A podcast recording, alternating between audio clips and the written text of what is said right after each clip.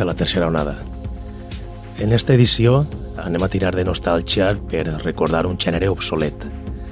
Un gènere que va tindre el seu punt àlgid en la dècada dels 90 i va servir de trampolí per emergir importants agrupacions relacionades amb el techno. Parlem de la ciberdèlia, una fusió del techno amb la psicodèlia, tecnologia en mans de moviments derivats del hipisme. Un gènere que no queda reflectit com a tal, segurament per ser catalogat simplement com a techno, breakbeat o electrònica. Sobretot està relacionat amb bandes britàniques, algunes tan conegudes com The Shaman, Orbital i la que anem a tractar al programa, Fluke. La ciberdèlia no va ser un gènere efímer per a Fluke. El seu estil va evolucionar però va mantindre el semblant psicodèlic a més de fusionar-ho amb altres tendències com trip-hop, breakbeat, electro-rock o dream-pop.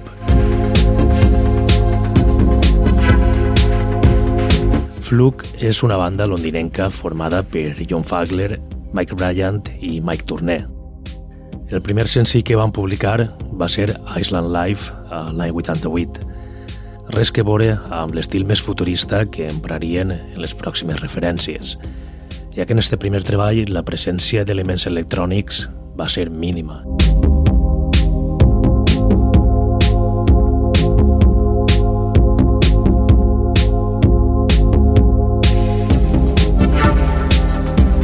En 1991, Fluke firma amb Creation Records el seu primer àlbum. Este setxell londinenc és responsable de mostrar els treballs de la primera etapa de Primal Scream, esta banda escocesa va treballar en exclusiva amb esta discogràfica una primera etapa que abarca des de 1985 fins l'any 2000.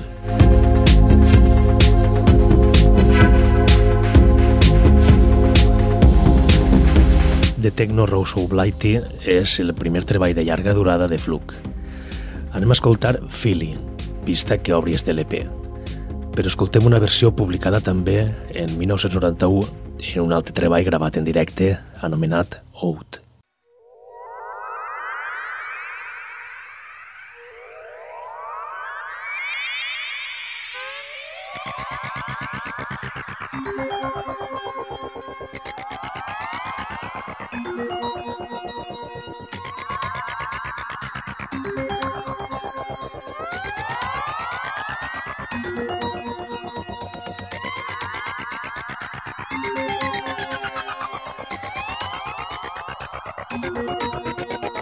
Hands up high since you chose today. Gotta try to find a way to liberate our hearts. Get your arms on voices, what to do. Gotta try to find a way to get your arms around the world.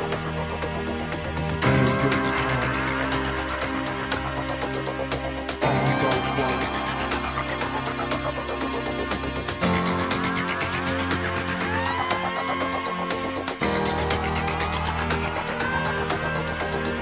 hands up high as you try to live. Gotta try to find a living never.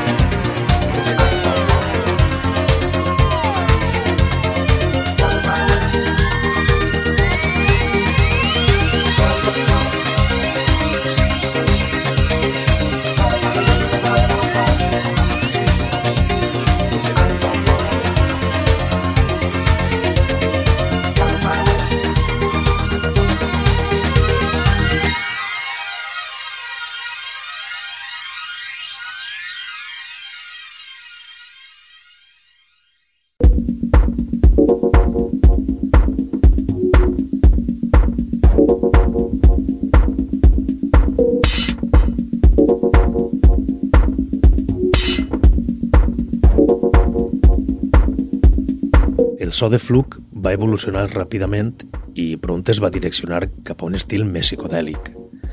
Un so amb propietat que els caracteritzava fàcilment i que uns anys més tard va arribar a ser molt comú en la música de ball britànica.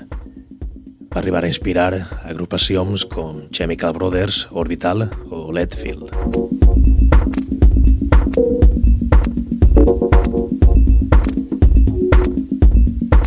1993, eixe so de flug ja era patent. Ja es reflectia a Six Wheels on My Wagon, un àlbum on s'apreciava un so millorat amb una qualitat superior, un element que va condicionar el reconeixement de la formació i amb el qual van assentar les bases per als futurs llançaments.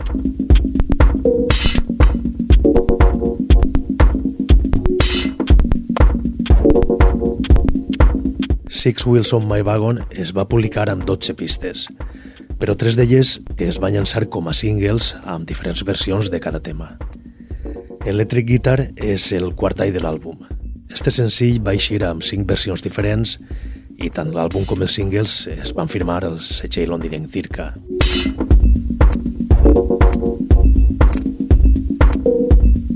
Ens quedem amb este single i escoltem la primera versió d'Electric Guitar.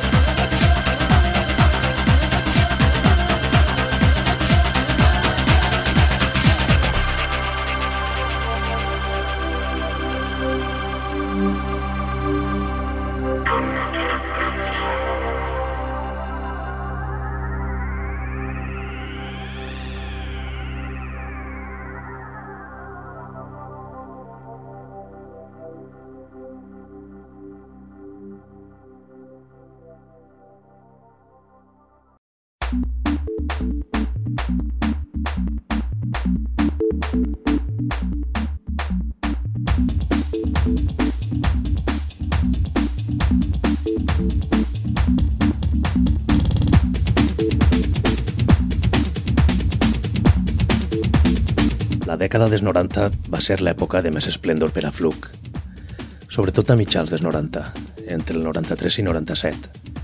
Però el seu pas per l'escena britànica va ser més humil que altres agrupacions com Underworld, Orbital o Leadfield. Aquestes tres formacions s'emportaven tots els elogis i Fluke, com que continuava fent la seva feina, continuaven innovant i oferint al seu públic un estil que ells mateixos havien abanderat però que s'havia globalitzat amb la plena efervescència de la ciberdèlia, el house progressiu i el tecnopsicodèlic.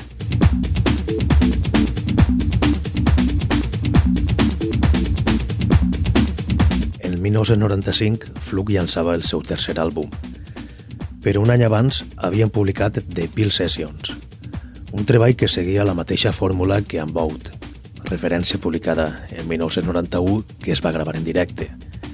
Però The Pill Sessions tenia una particularitat, o millor dit, dos. Una era l'estil, un synth-pop amb pinta de voler experimentar i tornar als orígens, però amb els elements i la tecnologia de la que disposaven en eixa època. I l'altra particularitat és que es va gravar en viu en la ràdio de la BBC.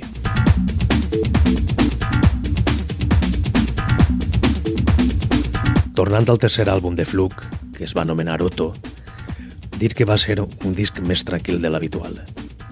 Però va llançar un parell de singles amb versions més destinades a la pista de ball. La més sonada va ser Toix, un maxi single amb una versió que va sonar a prou clubs espanyols. No seria un número molt elevat de clubs els que arribarien a punxar-lo, però almenys va traspassar les fronteres britàniques i ens va donar l'oportunitat de conèixer-los. Toix va eixir amb quatre versions. La primera d'elles, anomenada Goix, és la que més repercussió va tindre.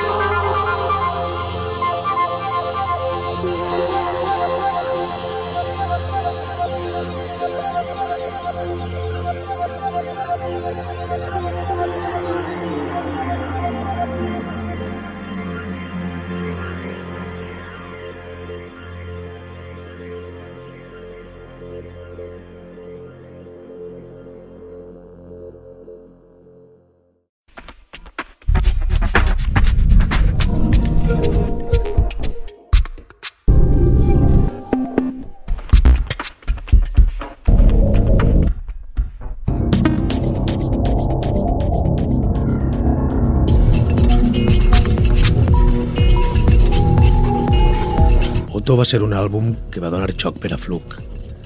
Els dos senzills que eixiren d'este treball de llarga durada es van destinar, com he dit abans, a la pista de ball amb versions potents. Versions que possiblement van tindre prou més repercussió que el treball original.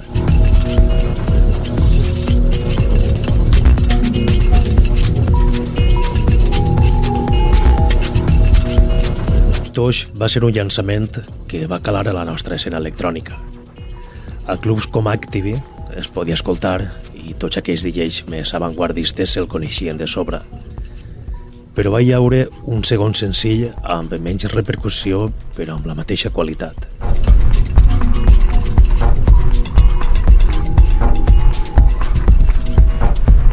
Ballet és el tema que obri l'àlbum i el segon i últim single que va llançar Fluke a conseqüència de Otto, Quatre versions explosives de la que rescatem la primera d'elles, anomenada Valion.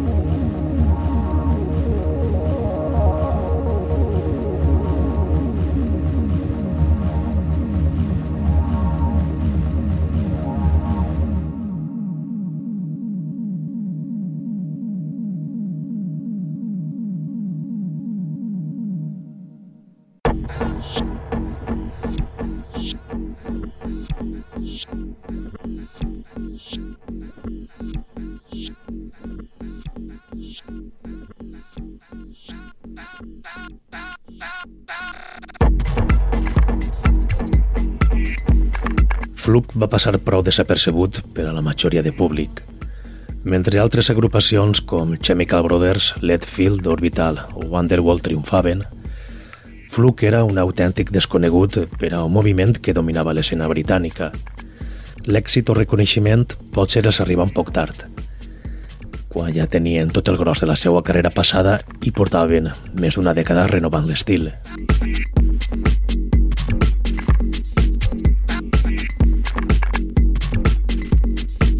Un treball niquelat va ser Risotto, àlbum que es va publicar en 1997 i que va tindre una gran repercussió, però no quan va eixir al mercat, sinó quatre anys després, quan es va estrenar la pel·lícula Tomb Raider i el soundtrack va incloure la primera pista d'este LP.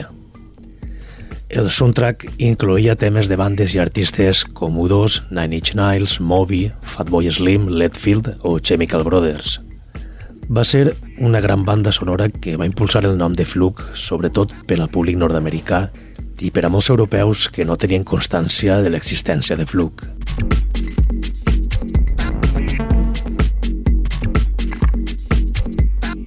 Risotto va portar un variat catàleg d'estils, una barreja entre downtempo, trance i techno. Ho comprovem amb Kitten Moon, tercer tall de l'àlbum.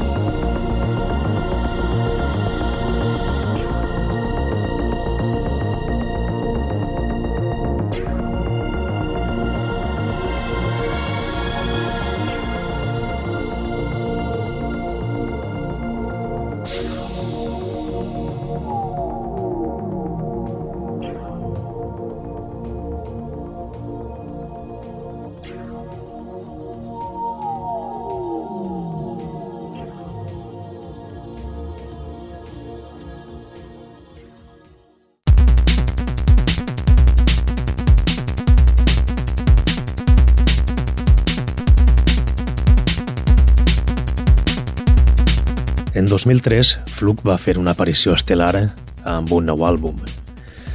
Quan tots pensaven que ja no tornaria a publicar res més, presentaven l'últim treball de la seva carrera i ho feren en un moment de crisi en la música electrònica en el que el públic va saber agrair la tornada de la formació britànica.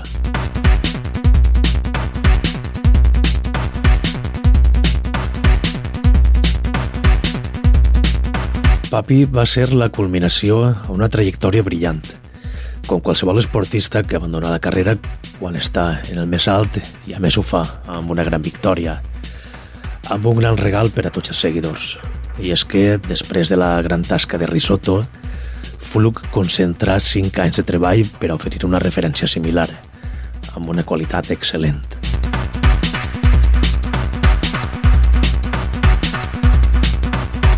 Acomiadem el programa d'avui amb Switch Twitch, una de les millors pistes de Papi.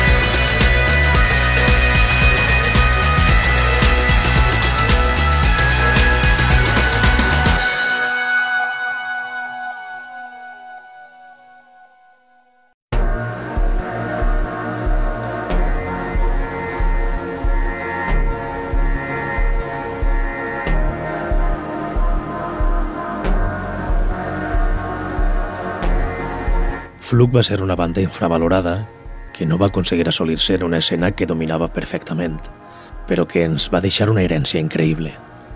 Va remesclar en diverses ocasions a la islandesa Björk i crear un estil propi que inspirà altres bandes que sí que van aconseguir un lloc privilegiat en l'escena electrònica. Fins una pròxima edició de la tercera onada. Salutacions de Ximo Noguera.